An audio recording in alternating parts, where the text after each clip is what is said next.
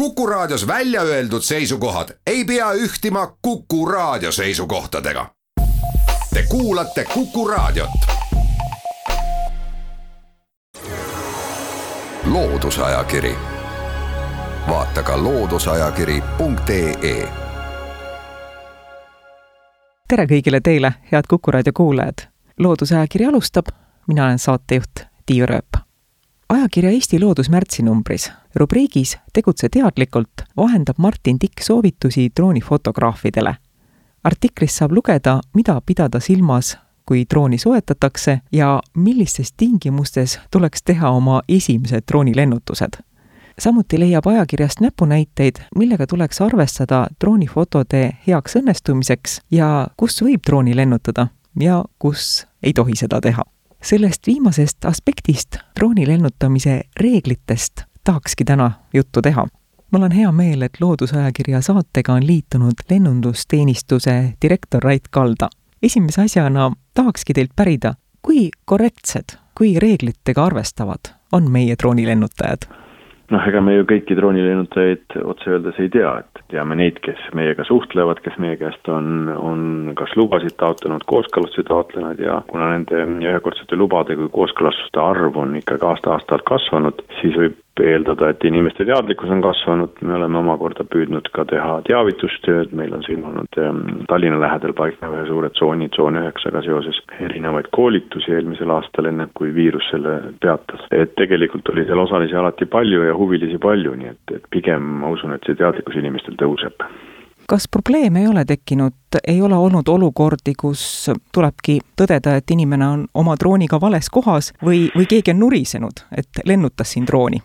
Nii ilus elu ei ole, et selles mõttes saab, saab kahjuks äh, vastata jah mõlemale küsimusele, et on nii nurisejaid olnud, kellele ei meeldi, kui nende akna taha droon tuleb, mehitamata õhusõiduk on ta meie keeles täpsem nimetus, ja kahjuks on ka neid juhuseid olnud, kus me oleme pidanud äh, ka väärteomenetlust äh, rakendama ja algatama ja lõpule viima inimese kohta, kes lendab siis mehitamata õhusõidukiga või drooniga selleks mitte ette nähtud kohas, noh kõige lihtsam ja võib-olla arusaadavam näide on, on laulupeol. suure rahvamassi kohal seda ei tohi teha, sest, sest seal on ikkagi reaalne oht, väga tihedalt palju rahvast. kui selle drooniga midagi juhtub, siis äh, sealt alla kukkuv droon, isegi kui ta on suhteliselt väikene, ta on ikkagi päris suure kineetilise energiaga, ta tekitab palju kahju ja seal on keelatud selline asi, aga inimesed alati ei saa sellest aru tahaks oma jutuga tüürida nende harrastusfotograafide poole, kes käivad looduses ja oleme ausad, harrastusfotograafile sobilik ähm, droon, mida ta saab kasutada fotode tegemiseks, see on muutunud suhteliselt taskukohaseks ja see on ka väga kompaktne, ta on väike kaasa võtta. täiesti võib ette tulla selline olukord, et minnakse loodusesse ja siis ühel hetkel tuleb meelde hmm,, mul on ju droon ka kaasas ja, ja ma võiksin sellega fotosid teha. milliste piirangutega peab inimene arvestama looduses ringi liikudes, kui ta tahab kaameraga drooni lennutada ja sellega fotosid teha? Kui me räägime nüüd lennundusalastest piirangutest, et ma saan aru, et loodusfotograafid ennekõike arvestavad ka loodusega, et nad kindlasti ei tee kahju loodusele, aga et millised piirangud on siis lennundusreeglite või lennundusseaduse poole pealt ähm,, ennekõike tuleks arvestada, et mis kõrgusele me lendame, et tänasel päeval on see kontrollimata õhuruumis, mis on enamasti siis eemal lennuväljadest, on äh, madalamal kui sada viiskümmend meetrit, peaks olema tavalisele loodusfotograafile täiesti piisav kõrgus. Uue reeglistikuga, mis hakkab kehtima esimesest juulist, on see natuke madalamal, sada kakskümmend meetrit. aga jällegi, see peaks olema ka täiesti piisav, et teha häid ilusaid pilte. ja, ja veel kord, see puudutab siis seda ala, mis on nii-öelda loakohustuslik ei ole, ehk siis lennuväljadest ja muust lennuliiklusest kaugemal. samas ka looduskaitsealal, näiteks kui Matsalu rahvuspargis tahaks drooni lennutada, siis tuleb ikkagi ka Transpordiametilt luba küsida ja seda teada anda. on see nii? Jaa, on küll, et äh, kuigi see õhk ja, ja taevas tundub olema vaba, aga tegelikult kui me vaatame lennukaarti, siis on seal ka väga palju erineva tähistusega alasid. osa neist alasid on siis seotud nii-öelda lennunduse piirangutega, on need lennuväljade ümber, ja teised alad on seotud ka siis just nimelt looduskaitseliste aladega, olgu seesama mainitud Matsalu või siis ka tundliku faunaga alad, mis on siis ennekõike saarte ümber, Emajõe deltas, et need on ka kaardile märgitud. Ja nendes kohtades tõesti tuleb arvestada siis kas teatud piirangutega, see on reeglina siis ajaline piirang, eriti nendes linnu tundliku faunaga alades piiratakse siis lendamist ähm, madalatel kõrgustel, sellepärast et seal pesitsevad linnud saaksid rahulikult oma elu elada. Ja Matsalu näide on selline, kus on tõesti piiratud ja meie anname selle kooskõlastuse, aga meie enne kooskõlastame selle ka siis jälle Keskkonnaministeeriumiga, nii et tegelikult seal, kuidas öeldakse, meie käest saadud kooskõlastus eeldab juba seda, et me oleme selleks lennuks andnud loa ja saanud selle loa ka Keskkonnaministeeriumilt. ehk siis kindlasti on see looduskaitseline aspekt ka, ka sees, et see ei ole ainult meie kui lennunduse teenistuse või Transpordiameti vaatest antud luba. väga ekstreemsed olukorrad sageli ärgitavad inimesi ka fotosid tegema, näiteks võib-olla maastikupõleng, metsatulekahju võib olla ka selline, mille puhul üks harrastusfotograaf mõtleb, et ma saaksin siit väga erilised ja väga ägedad droonifotod. kas sellisel puhul on hea mõte drooni lennutada, on see lubatud üldse?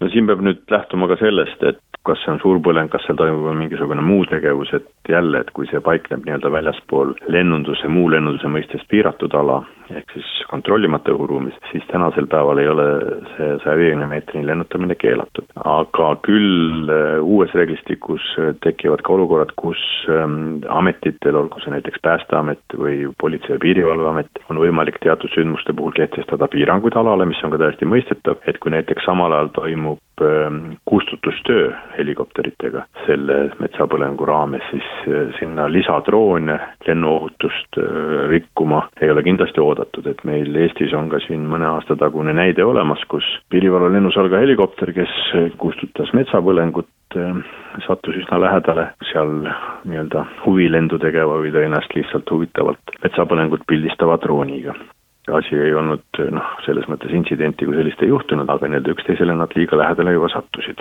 et selliste asjade vältimiseks tulevikus kindlasti suurtel, võib-olla mitu päeva kestvatel või, või väga suurt ressurssi nõudvatel, ka õhust ressurssi nõudvate metsapõlengute puhul kindlasti kehtestatakse piirangualad. korra käis juba meie jutuajamisest läbi, et inimene võib tunda ennast häirituna, kui ta märkab koduakende taga võõrast drooni lendamas, samamoodi võib ta muutuda ärevaks nähes mehitamata õhusõidukit oma kinnistu kohal. millised on selle inimese õigused, mida ta teha võib? Kui inimene tunneb, et tema privaatsus on rikutud, isiku filmimine ja pildistamine ennekõike, siis tuleb teavitada Andmekaitse Inspektsiooni. ehk siis see on seotud andmekaitsega. aga kui tegemist on rünnakuga või ka inimene tunneb ennast ahistatuna, siis see läheb korrakaitseseaduse alusel menetlemisele ja selleks tuleks siis pöörduda politsei poole. et siin ma tahan lihtsalt rõhutada, et jah, drooniga on võib-olla selle kaamera nii-öelda akna taha toomine muutunud tunduvalt lihtsamaks, aga see, kui droon on kellegi akna taga ja, ja tema õue kohal ja see inimene tunneb ennast ennast sellest ahistatuna, siis see jah, ei ole nii-öelda lennuohutuse vaates, mille eest meie vastutame, kuidagi selles mõttes seotud, et droon on sellisel juhul ainult selline kaamera kandmise vahend. kui ma üle heki teen pilti ja, ja panen õngeriba otsa kaamera või mingi toika otsa selle kaamera ja teen pilti, siis see on selles mõttes täpselt samuti privaatsuse rikkumine ja see läheb siis juba jah, politsei ja, ja mingitel juhtudel ka Andmekaitse Inspektsiooni töömaile.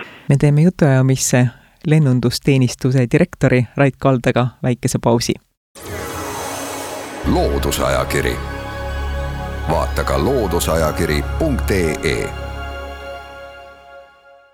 loodusajakiri tuli pausilt tagasi, me räägime lennundusteenistuse direktori Rait Kaldaga rahvakeeli droonide lennutamisest, lennundusterminites mehitamata õhusõidukite kasutamisest.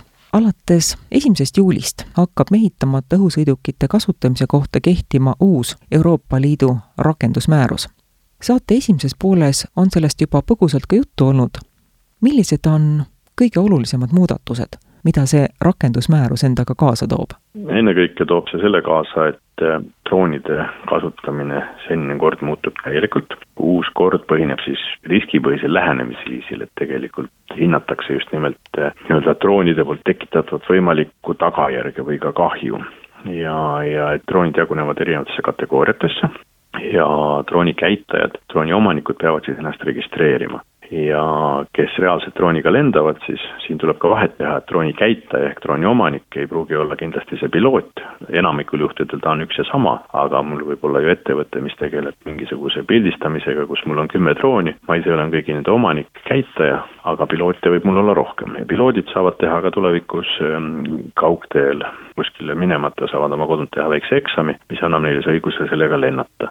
Et äh, muutub see registreerimine, muutub ka nii-öelda piloodi õiguse saamine ja jälle see hakkab sõltuma sellest, kui suured ja mis kategoorias lennatakse, enamus siis äh, tõenäoliselt enamus nii-öelda droone või mehitamata õhusõidukeid jäävad tegutsema avatud kategoorias.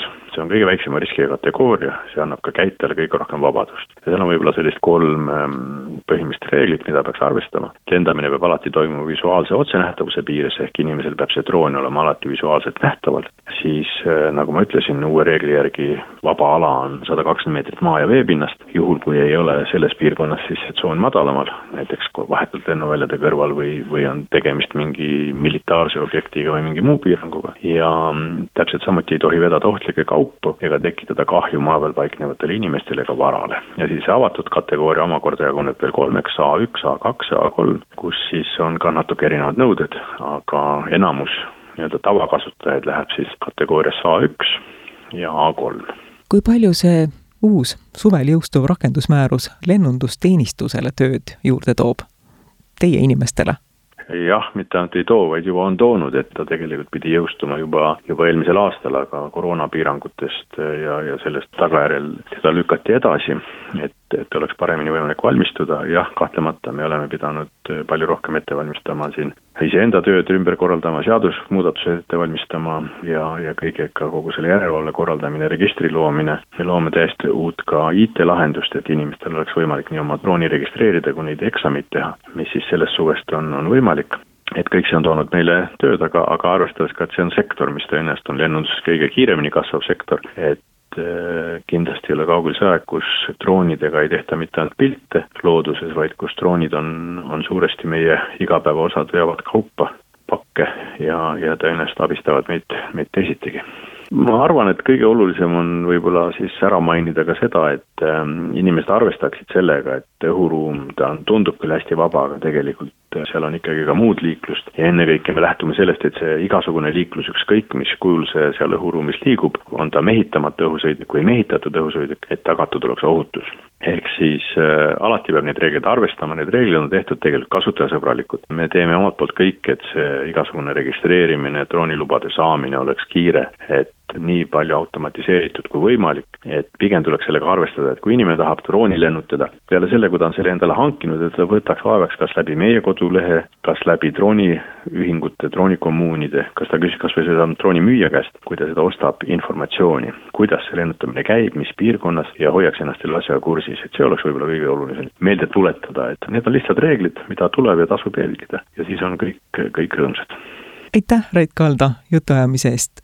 aga üks asi veel, mis ma ise tegelikult mõtlesin, et küsimus oli siin ka, et milliste piirangutega looduses arvestada, et ähm, täpselt samuti nagu nende lennunduspiirangutega tuleb arvestada, et siis kindlasti loodusfotograafid arvestavad ka looduse endaga, et, et noh, ma mõnikord, kui ma olen vaadanud pilte, kus ma ei tea, lennatakse hirvekarja kohal, kes siis suhteliselt äh, noh, kabuhirmus drooni eest üle mingi heinamaa või metsavälu kappab, siis mul tekib alati mõte, et noh, et aga kas see on väga, väga, väga mõistlik tegevus nemad ju vahest ei saa aru, mis see nende pea kohal sumiseb.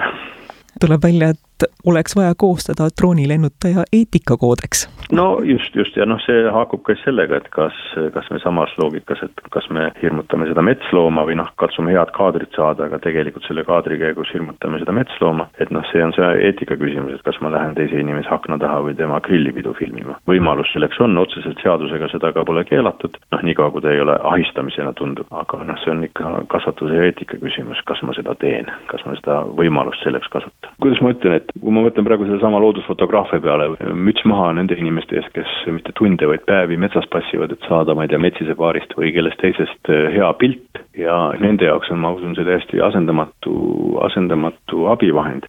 loodusajakiri selleks korraks lõpetab, saatejuht Tiia Rööp tänab külalist, aitäh lennundusteenistuse juht Rait Kalda vestluse eest, suur tänu teile! aitäh kõigile kuulajatele, kellel tekkis huvi droonifotograafias kätt proovida ajakirja Eesti Loodus märtsinumbrist leiab mitme droonifotograafi soovitusi huvitavate fotode tegemiseks. loodusajakiri, vaata ka looduseajakiri.ee